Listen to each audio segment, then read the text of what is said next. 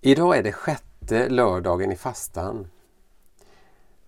Och vi fortsätter att läsa ur Peter Halldorfs bok Spåren till det fördolda.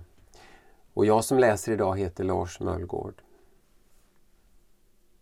Rubriken för dagens betraktelse är Befriande bävan. Ur Saltaren 22, vers 11 kan vi läsa Från min födelsestund är mitt liv i din hand.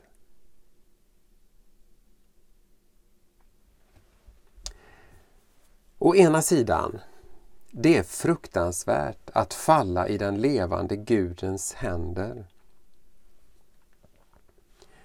Å andra sidan, ingen annanstans är våra liv så skyddade som i Guds hand. Denna dubbelhet utmärker hela saltaren. Gud är en eld, ett jordskalv som får människorna att skaka av skräck. En närvaro så svåruthärdlig att man tror att man ska dö om den kommer för nära. Och Gud är också en herde som för det utbrända till lugna vatten. En mor som gungar sitt barn i famnen. Ett ljus som förjagar panikångesten.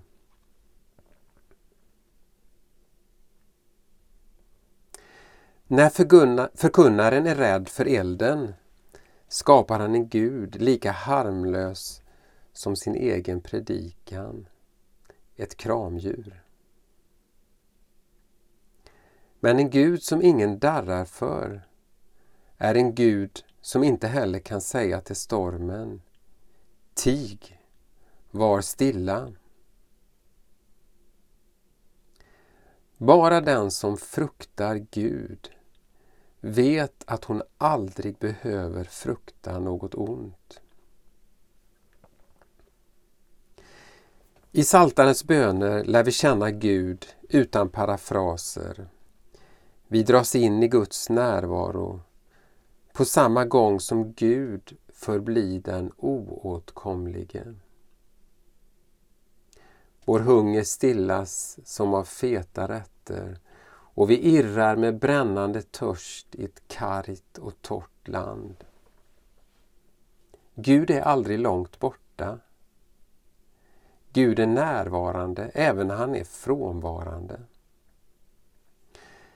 Men Herren jäckar alla våra listiga planer att räkna ut hur han kan bli en resurs i vår verksamhet. Gud är ingen tillgång. Gud är någon man tillhör. Saltarens Gud är det närmaste vi i Gamla testamentet kan komma evangeliernas Jesus. De två är en och densamme. I den sårbara människan Jesus, den oförarglige mannen på åsnan som imorgon rider in i Jerusalem, döljer sig den fruktansvärda heligheten. Det är först när vi inser att vi inte uthärdar att möta Gud att Guds härlighet tvingar oss till marken. Som evangelierna blir de verkligt goda nyheterna. Något mer än bara ännu en terapeutisk klapp på axeln. Berättelsen om Jesus av Nasaret är en epifani, den enda sanna uppenbarelsen av Gud sådan Gud verkligen är i sitt numinösa majestät. Som likväl tilltalar oss med orden Var inte rädda. I den Gud som får himmel och jord att bäva bor ett hjärta som bara kan älska.